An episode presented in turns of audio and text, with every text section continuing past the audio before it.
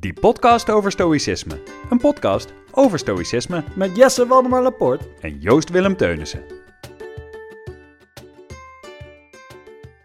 Wist je trouwens dat die podcast over stoïcisme mede mogelijk wordt gemaakt door Athematica Academie? Wij wel. Hallo. Hallo. Hey, laat ik even beginnen. Ja, ik op het belletje drukken. Doe maar. doe maar. Laten we even beginnen met te zeggen dat we op het moment in de voormalige Volksuniversiteit zitten.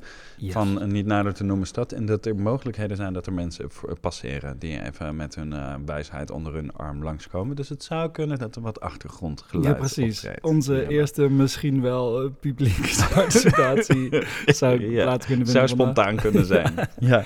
En eh, ook wat vogels die net eh, vrolijk in de buurt van de klimop aan de andere kant van het raam zaten. ja, want tijdens het opnemen hiervan is het behoorlijk lentig. Ja, hè? Ja. Ja, dat kunnen we wel stellen. Mijn favoriete Nederlandse woord is lenticellen. Dat heeft hier niks mee te maken. Kom, we gaan beginnen. Hey, bedankt voor het delen. Joost. Hey, Jesse, wij hebben onszelf ehm, het onmogelijke op de hals gehaald. We hebben onszelf huiswerk gegeven. Ja, dat vond jij een leuk Ja, idee. vond ik toen een leuk idee. Duvel, stop met sponsoren. En inmiddels, Wat was het we- huiswerk, Joost? nou het huiswerk, oh dat is een goeie. Eh, Ja. om de- aangezien het thema van de vorige aflevering afhankelijkheid was, Mhm. gingen we eigenlijk de afgelopen week, weken op zoek om te kijken dagelijks waar we precies afhankelijk van zijn. En, Ja, en daar een beetje op reflecteren. Ja. Een beetje op onderzoeken. En ik heb de afgelopen weken mezelf eh, meerdere maal hieraan herinnerd in de, in de trein terug op weg naar huis van werk. Mhm. Waarbij ik echt merkte dat mijn eh, werk eh, negen uur per dag ontzettend vermoeiend is. Mhm. Maar ik het blijf doen vanwege de menselijke bevestiging die ik krijg. En misschien een stukje, daarin wordt mijn sociale geest bevredigd. eh. Een stukje positieve energie die ik van andere mensen meekrijg op mijn dag. Mhm. Er zijn een aantal mensen afhankelijk van hun functioneren door mijn functioneren. Dus die krijg ik, daar krijg ik dan dagelijks van terug. hey, ik heb goed kunnen werken, daar heb jij goed gedaan. hey, chill. top, lekker fijn dat jij er bent. En vervolgens weer de doelgroep waar we mee werken, kinderen eh, die dan eh, blij zijn of naar ons toe komen en vrolijk zijn. En ik merkte echt dat als ik dat niet had in mijn leven, nou dan zou ik ook niet bereid zijn die negen uur daarvoor te werken en uiteindelijk moe in de trein Nee. eh, terug te zitten. Dus ik merkte wel dat ik dacht dat dat steeds momenten waren waarvan ik dacht, oh, ik ben echt blij.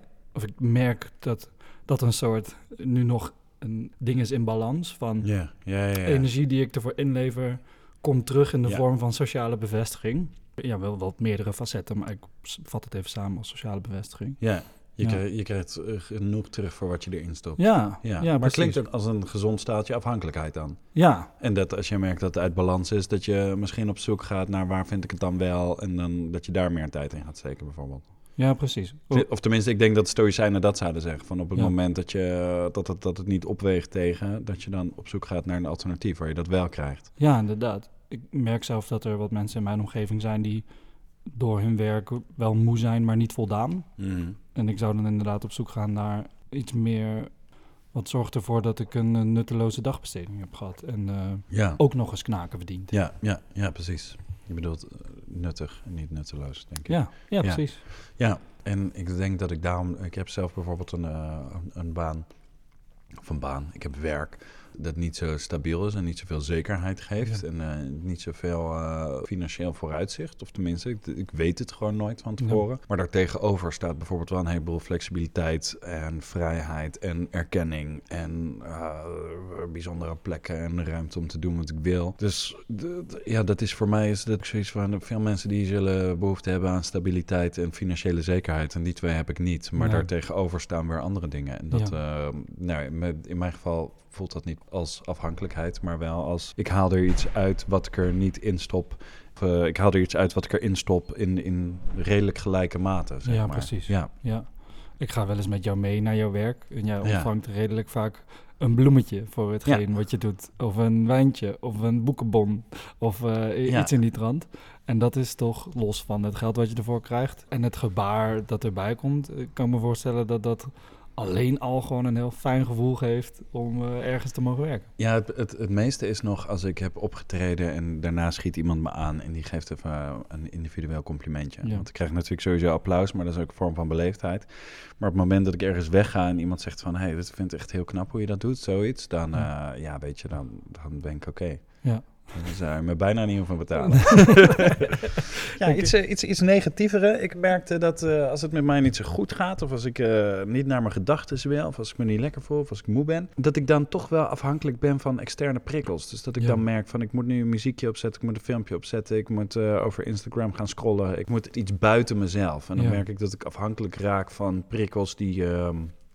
Die, eh, die ook doorgaan. Dus, dus een serie aanzetten of reels kijken of eh, muziek aanzetten die, die niet onderbroken wordt. Of eh, met, met iemand bellen eventueel tegelijkertijd met muziek, tegelijkertijd met dit, met dat, met zus, met zo. Maar vooral niet naar binnen. En dat ik dan afhankelijk ben van een, van een soort eindeloze prikkel. Ja. En dat is, eh, nou ja, dit, dit is eh, naast confronterend ook gewoon leuk om te zien. Een soort van, Ja. oké, eh, nou Jesse, je hebt dit door van jezelf, wat ga je ermee doen? Ja. Ga je zeg maar wel even aan. Ja. Ja zoiets. En dat, dat zijn interessante dingen, maar dan moet je, ja, moet je het wel aangaan. ja, precies. Ja, dan kan ik me voorstellen dat het een uitdaging biedt om juist prikkelvrije momenten te creëren om even met jezelf te gaan zitten. Ja, Misschien ja. wel mediteren of op een andere Nou, manier. precies. Mediteren is denk ik eh, het juiste antwoord. En Ja. dat is altijd confronterend. En het, ja, weet je, je hoeft helemaal niet meteen naar de krochten van je ziel toe. Maar het is wel het moment inderdaad dat je even met jezelf kan zijn. Ja. Want ik merk dat als ik dan ga wandelen, dat ik soms alsnog vals ga spelen. Want Ja. dan ga ik op mijn omgeving letten. Of dan Ja. ga ik allemaal dingen observeren. Of dan zet ik een muziekje op. Of dan kom ik iemand tegen. Of dan Ja. Gebeurt er van alles waardoor je toch een beetje de deur openzet naar afleiding waar je zogenaamd geen controle Ja. over hebt. Zo de, ja, oh ja, maar dat ik iemand tegenkom, daar kon ik niks aan doen. Ja, hè? ja, ja. Zo de, ja, nee, maar je Nou, had ook kunnen gaan mediteren. Ja, ja, ja. Ja. Wat ik eh, heb ervaren is dat ik nu sinds een aantal maanden samenreis met een eh, collega eh, naar huis. Mhm. En nou, die was bij mij in de straat. Dus dat, oh tot op de hoek van de straat ben ik eigenlijk nog met een collega dan. Lijkt me verschrikkelijk. Ehm, nou, in eerste instantie dacht ik ook van, oh, ga ik dit wel, eh, ga ik dit wel trekken? Maar we Ja. hebben samen een soort gewoonte ontwikkeld waarin we samen de dag even doornemen. oh ja. Als we eh, terug aan het lopen zijn en het stukje trein pakken, eh, dat we eigenlijk al een soort reflectie hebben van de dag. En dat is dan gewoon een momentje wat we even met z'n tweeën delen, gewoon even samen. En we zijn ook heel veilig naar elkaar geworden in wat we kunnen uitspreken naar Ja, elkaar. En we zullen Ja. ook zeggen van, nee, dit, oké, ik, je mag dit bij me spuien en ik Ja, zal dit niet eh, morgen meenemen naar de rest of zo, weet je wel. We kunnen dat gewoon even bij elkaar laten. En dan gooien we het gewoon allebei er even uit, zo. En dat laten we daar. En dan is het, hey, fijne avond. Hey, En dan, en dan kom je helemaal schoon thuis. Ja, zeg maar. precies. Ja, ja, ja. want dan heb je wel je werk een plekje gegeven. Wat ik normaal gesproken alleen zou doen. Hè, dus om even uit, de, ja, precies. Uit de zone van werk. Even, Maar dan is het niet gefilterd meer. Dan heb je niet meer een roetfilter gehad. En, Ja. eh, en nu is je collega dat. Ja, precies. Ja. Ja, nu vergeren we voor elkaar even als een soort uitlaatfleppie. En Ja. dan eh, kom ik thuis en dan hoef ik niet eens meer over werk te praten, Nee. want dat heb ik al gedaan. Ja, iemand heeft gezegd, ik snap je. Ja, ja. ja precies. hey, even eh, richting stoïcisme weer verder. Dit was even kort het huiswerk. Want hè, laten, we het, laten we het kort en bondig en behapbaar houden. Ja, toch? Ja, ik heb een boek van jou geleend. Daar hebben we het eerder ook over gehad. En dat is eh, een boek van Mark Tuitert. Het heet Drive, train je stoïcijnse mindset. Jazeker. Op de voorkant zie je een soort gouden silhouet van het hoofd van eh, wie zal dit eens zijn? Marcus Aurelius. Ja, zoiets. Een soort typische Griek in ieder Ja. geval. Want eh, nou ja, goed, we weten een beetje waar het stoïcisme vandaan komt. Dat komt van de Romeinen. Ja, je hoort nu dus op de achtergrond hoor je dingen. Kan verkeren. Maar wat mij een leuk idee leek om te doen. eh, dit boek bestaat uit tien hoofdstukken. Yes. En hij heeft daarboven gezet tien principes voor een scherpe en relaxte mindset. Dat Ja. is een beetje hoe hij stoïcisme aanvliegt. Nou wil ik niet zeggen dat ik denk dat stoïcisme wat mij betreft per se zoiets is. Maar goed, wij reflecteren ook alleen maar op wat ons wordt voorgeschoteld. Mhm. En ik dacht, misschien is het een leuk idee om in de komende tien afleveringen één zo'n principe te hanteren. Het is namelijk een heel eh, handzaam boekje. En het, het is ook stoïcisme in een notendop. En dan hebben we voor, de komende, voor het komende seizoen hebben we eigenlijk gewoon een soort handvat. Hey. Een, soort, een soort kapstok. Nou, helemaal mooi. En tegen de tijd dat we dan die tien afleveringen verder zijn, eh, is het tweede boek uit. Dan kunnen we Ja, weer precies, ja. En inmiddels eh, is Mark Tuitert hier dan ook een keer aangeschoven. Hè? Toch, Wellicht, Mark? wellicht, Toch? Mark. Mark, hoor je me? Ehm, nee, goed, en we kunnen hier altijd van afwijken, want Ja. hey, eh, het is ons podcast, mogen we zelf weten. Ik wil zeggen, ik vond de huiswerk al een hele kluif. Ga je nou tien afleveringen vooruit denken? Ja, nou ja, goed, we zien wel. Maar ik dacht, we beginnen in ieder geval bij de eerste. Want eh, ik, ik was dus hoofdstuk 1 aan het lezen. En ik, eh, dat heet Gebruik je tegenslagen als richtingwijzers. Yes. We hebben het hier vorige zomer al over gehad. Toen hebben we dit boekje ook allebei eh, opengeslagen. Ja. Eigenlijk de zomer daarvoor. En eh, toen struikelde ik al over het woord richtingwijzer.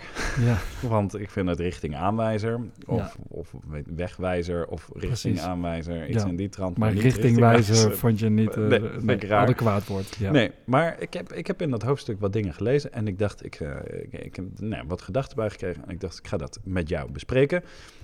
Maar waar het eh, eerste hoofdstuk in het kort over gaat, is hij legt even uit, of Tuitert legt dan uit, dat eh Zeno, de oprichter van het stoïcisme, die heeft ooit schipbreuk geleden en die is toen al zijn rijkdom kwijtgeraakt. En hij ging naar Athene en toen ging hij naar de, de Stoa Picele, Pi- Pi- Picele? Pakile. Pakele, Paikele, de, de zuilengang. En dan ging hij daar filosofie eh, nou ja, in ieder geval eerst opdoen en vervolgens zelf ook bedrijven. En hij Ja. heeft toen zijn eigen school opgericht. Hij werd heel erg gewaardeerd als, als burger ook, omdat ze zeiden van ja, maar jij geeft heel veel jongerenles, dat doe je heel concreet, wat fijn. En hij zei, ik wil eigenlijk meer filosofie met minder bagage. Wat heeft hij nou bedacht? Hij heeft bedacht, ik ga mijn tegenslag inzetten als les. Vervolgens haalt Tuitert, haalt Marcus Aurelius aan en zegt, die heeft er ook veel over geschreven. Die is negen van zijn veertien kinderen verloren, hij is zijn vrouw verloren. Uh, hij, is, hij is verraden door zijn eigen legeraanvoerder. En hij heeft bedacht dat, hij dat, uh, dat dat een zegen is eigenlijk om verder te kunnen zonder verweer, als het ware. Hij zegt, ik, ik kan nu tegenslag verdragen met nieuwe moed, als het Ja. ware. En dat, dat uh, vindt hij heel fijn. En vervolgens haalt Tuitert een metafoor aan die een van deze Seneca, Zeno, uh, Aurelius schrijvers heeft opgeschreven. En daar wilde ik het eigenlijk even over hebben. Hij zegt dat je tegenslag moet zien als hout op een vuur. En op het moment dat je een te groot blok op een te klein vuur gooit, dan gaat het uit. Ja. Maar als er kleine takken zijn, dan, dan wakkert het aan. Ja. Dus volgen jullie me nog, luisteraars? ik ben nu even lang aan het woord geweest, langer zit. Maar ik zal nog even in het kort. Wat ik eigenlijk wil doen uit het hele verhaal: tegenslag gebruiken om, om, je, om, om geluk op te doen Ja. en om sterker te worden. Hoe doe je dat nou? En hij haalt vooral de metafoor aan. Zie het als een vuurtje waar eh, te groot hout maakt het uit, maar klein hout wakkert het juist aan. ja, precies. Joost, wat denk je als ik Nou, dit zeg? Ja, inderdaad. Het is een, uh, een lange stukje stof wat je even behandelt. Uh, en ik vind dat je het mooi samenvat hoor. Het eerste, eerste hoofdstuk. Wat doet het mij? Nou, ik vind het mooi dat het in zo'n uh, metafoor wordt gegoten. Want die metaforen, dat zijn meestal de dingen die blijven hangen bij de mens. Waar we die lering uit kunnen trekken. En wat ik denk dat de Stoïcijnse filosofen, en in dit geval Tuitert, ons proberen bij te brengen, is om niet bij tegenslag bij de pakken neer te gaan zitten of Mhm. hè, in, die, in een soort depressieve fase te belanden, wat misschien een soort natuurlijke neiging is, of om in je eigen falen te gaan zitten en je daar rot over te voelen en ehm, nou, misschien dat wel als een soort opeenstapeling te pakken van alles wat er nog meer mis met je is, Mm. hè, maar om uh, die wijsheid te gebruiken. En die wijsheid die dan in, deze, in dit geval in mooie en beeldende metaforen wordt gebruikt. Om dat even als een soort blokje op die uh, weg te zetten van... hey, stop even. Zie de, probeer het te zien als een kans. Of Ja. kijk eens naar uh, wat er nog wel is. Of een, een andere manier van denken om te kijken van... hey, wacht eens even. Als we dit nou eens even zien voor wat het is. En we laten dat even daar. En ik ontkoppel het misschien even van... Wat, uh, hoe persoonlijk het voor me is. Maar Ja. ik zie het even als een gegeven kan ik dan de stap maken van persoonlijk falen naar kans om te groeien. Ja, want hij zegt zet het om, als het ware, in, in brandstof. Ja. En dat is met het ene moeilijker dan met het ander. 9, 9 van de 14 kinderen verliezen lijkt me nogal wat om om te zetten in brandstof. Nou ja, is maar, dat, maar dat is dus wel het punt. Ja. Dat, een, een Tuitert die werd niet uh, gekwalificeerd voor de Olympische Spelen, terwijl hij uh, op, op zijn piek was en dacht, uh, straks ben ik 30, dus dan ga ik dat nooit meer redden. ja, dus krijg deze kans. Ja. En, en die kreeg hij niet. Nee, en toen zat hij thuis op de bank naar Spelen te kijken. En dan is de vraag, hoe zet je, want dat is voor hem tegenslag, voor Aurelius is tegenslag ook Ja. duidelijk. Wij zitten nu in 2023. Ja, Hoe zetten wij onze tegenslag om in kansen? ja mooie vraag. Nou ja, om, in eerste instantie, dan gaan we, eigenlijk weer terug naar de basis van het stoïcisme. Mhm. En dan gaan we weer terug naar die tweedeling. En dan gaan we Mhm. terug naar waar heb ik controle op en waar niet. Ja. En dan moet je gewoon eigenlijk weer gewoon bij, bij de bank beginnen. Gewoon als je op die bank zit. Ik denk dat Mark daar ook begonnen is. Van, nou, ik zit hier nu op die bank. Wat kan ik hier vanaf deze bank wel doen?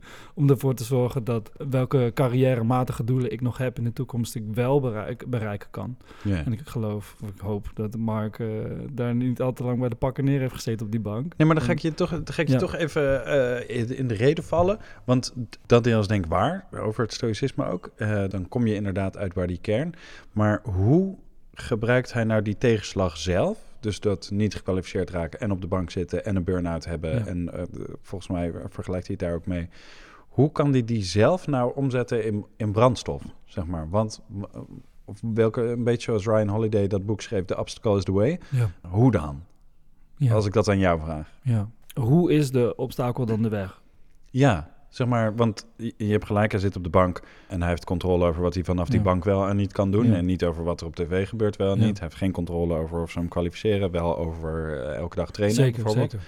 Maar hoe zet hij de teleurstelling van niet gekwalificeerd worden en de vermoeidheid van een burn-out en de, de pijn die dat allemaal doet, hoe zet hij dat om in brandstof? Ja. Dus zoals hij zelf natuurlijk ook hoofdstuk 1 noemt, hoe gebruikt hij zijn tegenslag als richtingaanwijzer? Ja. Hoe zorg je dat die burn-out en die tegenslag en die, die pijn en dat verdriet en alles, wa- waar wijst die je heen eigenlijk? Hoe- Hoe is dat een richtingaanwijzer? Nou, ja, ik denk dat dit allereerst een hele mooie vraag is voor Mark Tijd het zelf om te beantwoorden. Mhm. Eh, dus hij moet zeker Kom langs.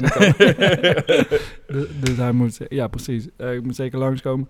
Maar wat ik denk dat ehm, voor ieder mens dan op dat moment de inderdaad de allergrootste uitdaging is om een soort van betekenis te vinden in dat lijden op dat Mhm. moment. Hè? Want wat, wat je doet is je bent aan het lijden, want je zou eigenlijk iets aan het doen zijn eh, wat je nu niet aan het doen bent. ja. Dus daar komt een soort lijden eh, bij kijken. Mhm. En dan is op de eerste plaats jouw eh, ja, communicatie misschien wel met dat lijden of hoe je daarmee omgaat, eh, staat denk ik, nou, misschien wel een symbool voor hoe je in het leven staat. Of staat daarmee zeg maar heel erg in kern met wat je daar vervolgens meer mee kan. Ja, Of wat je, je door dat lijden jezelf eh, opgeeft. Dus in dit geval gebruikt hij dat lijden als het ware als een soort van ehm, ja, hulpmiddel om zijn, zijn nieuwe doelen te bepalen. ja, ja. Hè, die, die daardoor komen. En goed, natuurlijk, en daar hebben we het vaker over, eh, zeker in, in, in stoïcijnse begrippen.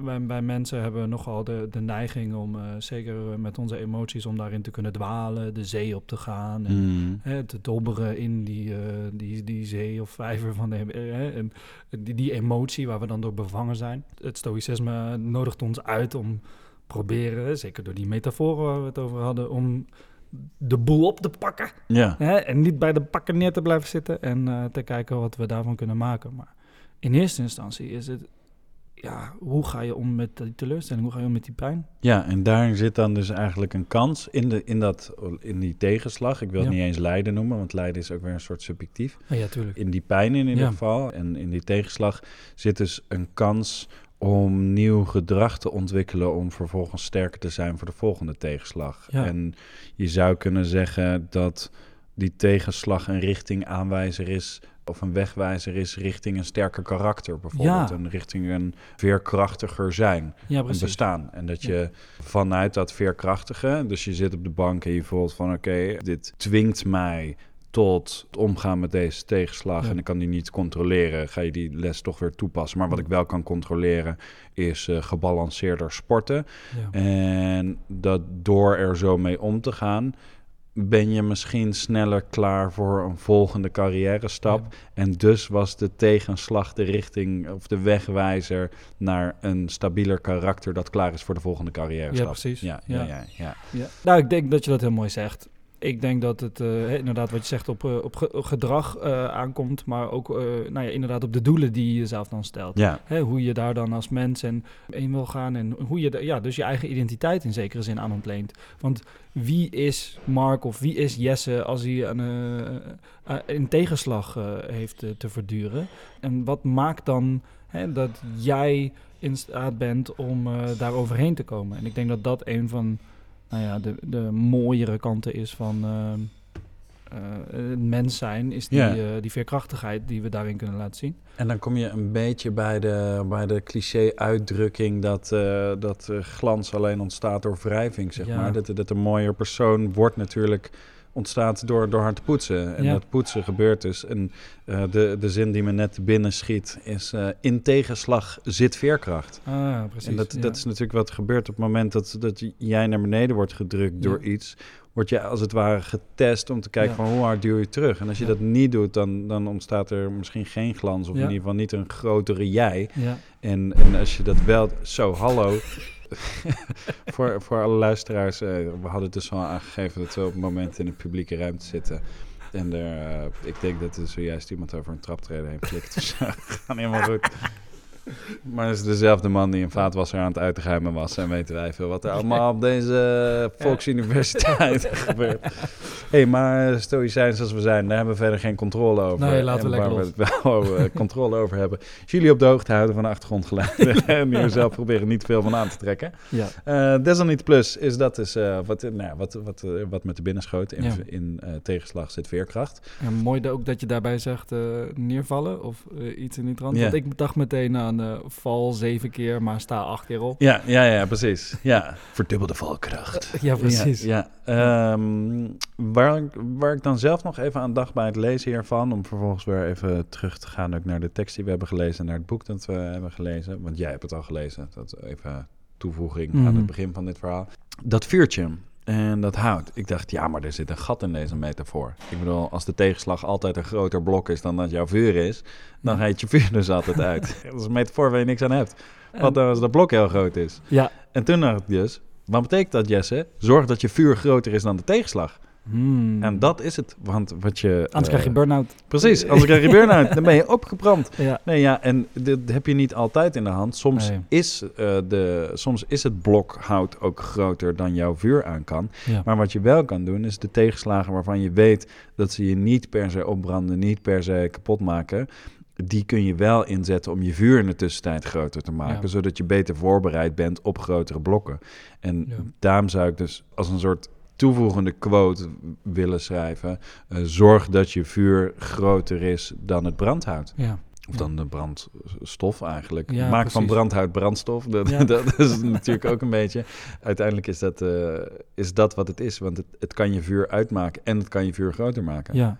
ja, en dat heeft alles te maken met hoe je de, de, die blok ervaart. Want je zou ook nog kunnen zeggen, nou, als hij op zijn, eh, op zijn kant te breed is voor je, voor je vuurtje, eh, zet hem dan eh, recht overeind bijvoorbeeld. Ja, en kan je hem dan wel beter, eh, beter opbranden? ja, en dat is. Ja, misschien moet je met twee haken. Misschien Ja. krijg je dat wel voor elkaar. Misschien krijg je dat fragmentarisch voor- omgaan met je problemen. Ja, ja zo, zo, zoals het stoïcisme mij ook regelmatig uitnodigt om mijn problemen net iets anders te bekijken en gewoon te kijken, nou, wat kan ik wel? Is Ja. heel vaak iets kleins. Ja, meestal is, de, In een is geheel controle maar een heel klein Ja. Je stukje van je probleem. Ja, maar krijg ik daar een heel fijner gevoel van over mijn probleem. Dat ik weet, nou, ik ben op zijn minst aan een probleem aan het werk door dit kleine ding. En dan eh, komt de rest vanzelf wel weer goed. En dan kom ik dus even bij het einde van hoofdstuk 1. Daarin geeft eh, Mark Tuitert, die geeft aan het einde van zijn hoofdstuk geeft hij ook een training mee, als het Mhm, ware. Hoe je, mhm. hoe je eh, in dit geval eh, is training 1 is train tegenslag. En dan maakt hij een zes stappenplan waarin ik ons even heel snel mee ga nemen. Want als je mee wil schrijven, dan luister je maar een paar keer opnieuw. En als je niet mee wil schrijven, nou, dan ben je blij dat het snel klaar is. Hey! Maar je moet dus een situatie verzinnen waar je je voor, zorgen over maakt. Bijvoorbeeld contractverlenging. Stap 2 is stel je de meest onwenselijke uitkomst voor. Dus bijvoorbeeld je contract wordt niet verlengd. Stap 3, pak een papier en trek een cirkel. Maak hem lekker groot zodat je er veel in kunt schrijven. Stap 4, schrijf nu in de cirkel minstens 10 woorden op die je met de meest onwenselijke uitkomst associeert. Dus als je contract niet wordt verlengd, dan zou je geldzorgen kunnen krijgen. Je bent werkloos, je misschien iets met je status, weet ik veel wat. Eh, stap 5. Geef de uitkomst een naam en zet die boven de cirkel. Dus eh, bijvoorbeeld als ik werkloos ben, dan. En dan heb je nou, al die uitkomsten. Eh, en stap 6 is schrijf buiten de cirkel in een paar steekwoorden... hoe je met deze meest onwenselijke uitkomst kunt omgaan. En dit klinkt dus heel simpel, want Ja. je denkt ook... ja, maar doe ik toch in mijn hoofd ook. Als ik me zorgen maak, ga ik toch ook, eh, denk ik toch ook wat als. En dan denk je nog een keer Mhm. verder. Maar toch denk ik dat het uitmaakt dat als je dit opschrijft... dat je je weerbaarder voelt tegen het geval dat deze uitkomst zich voordoet. Ja, En dat is, ehm, dat is ook hoe het in de therapie vaak werkt. Je moet soms hele domme oefeningen doen. Ja. Maar ze eenmaal gedaan, is het toch anders dan wanneer je denkt... ja, Ja. maar ik heb dit al een keer bedacht. Ja, Het is toch een verschil. ja precies. Toen eh, ik deze last op het strand van Frankrijk liet ik hem aan je zien. En toen zei hij, dit is premeditatie om lorem, Zei ik ja. zei jij. ja. Want eh, dit is een fantastische oefening om dat in de praktijk te brengen. Zullen we premeditatie om malorum eens even uitleggen? Nou ja, dat, dat hebben we inmiddels drie afleveringen gedaan. Maar voor degene die het Maar nou doe eens niet doen. helemaal- Mijn moeder die luistert inmiddels mee. Dat, eh, dankjewel man, leuk. Nee, leuk, leuk dat je er bent. Ja, eh, maar die, eh, die luistert ze volgens mij door elkaar heen. Dus het Oh, ja. zou ook kunnen dat als dit, Ja. je, als dit je derde aflevering is die je hoort... maar je hebt ons nog niet gehoord over premeditatio malorum... dan wil je misschien wel even weten Ja. waar het over gaat. Ja, wat grappig, want er waren, waren meerdere mensen die ik heb gesproken die zeiden... Ja, en toen ging ik naar 12 en toen naar Ja. 16 en toen naar 18. En ik- Ja, ja, Ja, is ik, goed, ik snap het ook wel. Ja, moet je als, je, als, je lekker dit, als je dit ziet staan, eh, Ja. als, de, als, weet ik veel, als de titel van deze aflevering is... eh, Zorg dat je vuur groter Ja, ja, is dan je brandhout. Dan eh, ben je misschien wel benieuwd waar het om gaat. precies. Ja, Ja. ik ervaar zelf de afleveringen, hè, zeker in het afronden van het maken van die dingen, heel chronologisch. Maar mensen kunnen gewoon natuurlijk nou, helemaal op en neer gaan. De titel van deze aflevering wordt In tegenslag zit veerkracht. Hey. En dan doen we daarna wel hoofdstuk 1, Drive, Mark Tuitert. Ja, Zoiets. nice. Ja, hey, dat top. scheelt jou weer met editen. Ja, precies. Neem ik even mee. maar premeditatio malorum. Ah, ja. Ja, eh, stel je je eh, tegenslagen voor en eh, be- bereid je je daar mentaal op voor en wat zou je daaraan kunnen doen? Zodat eigenlijk die beer op de weg eigenlijk verandert in een soort beer met een hoedje op Ja. en een bloemenketting om. Ja. En een drankje in zijn handen en eentje voor jou. Of En- misschien gewoon een beer zonder klauwen. Ja. Die beer is er nog steeds, maar hij gaat wel minder pijn doen. Ja, precies. In de pijn doen. Als je hem Waarom? nu in zijn bent- ballen trapt, dan heb je in ieder geval iets minder wondjes. Ja, precies. Ja, je bent erop voorbereid. Je weet, wat er, je weet wat er komen gaat, wat je te wachten staat. Ja. En je hebt al een vluchtroute uitgestippeld. Ja, precies. ja, Ja, nou, en dat is denk ik echt het meest ideale aan die premeditatie malorum. Weet wat te doen in het geval van Ja. zo'n eh, ja, anomalie of Ja. eh, eh, de tegenslag in die zin. En zelfs als je dat niet weet, heb je het dus al een beetje een keer doorlopen in je hoofd. Dus heb je ook de tegenslag als soort ervaren. Jij hebt dit wel eens verteld. Toen vertelde je dat je eh, s ochtends op je, voordat je naar je werk ging, had bedacht: oh, ik ga de- die ene klagende collega krijgen, Ja. zoiets. En dat dat ook gebeurde, maar Ja. dat het minder erg was omdat je het al doorlopen had. Ja, precies. het, ja, dat, ik wist dat dit kwam. Ja, En ik was hierop voorbereid. Ja, ja zeker. En Dit, dit was in een, in, een, in een periode waarin het nou, op mijn werk nogal eh, roerig was door corona. En er waren eigenlijk die dag twee dingen waar ik eh, vooruit aan het denken was. En dat was eh, inderdaad een rumoer in de tent door eh, collega's en eh, zieken.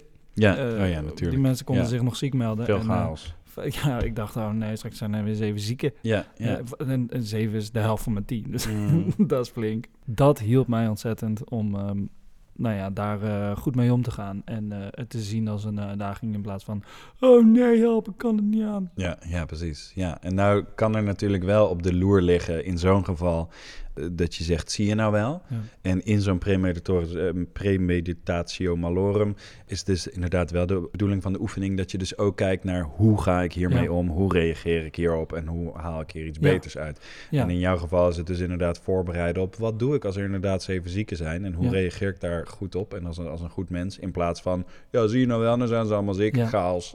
ja, en ook zou ik daarbij aan toe willen voegen... een post-meditatio malorum. waarbij ja, je dus eigenlijk die zie je nou wel gebruikt om te zeggen... zie je nou wel, kan het wel Ja, aan. ja, ja, precies. Ja, zie je nou ja. wel, de beer op de weg, al zijn we niet zo groot tegen Of ik heb in ieder de geval. Of- gedaan wat ik kon Ja. in mijn macht om van de situatie het beste te maken. Precies. En ik, ik denk dat dat ook je karakter vormt en je weerbaarder maakt voor de volgende. Omdat je weet, ja, ik heb die al gehad.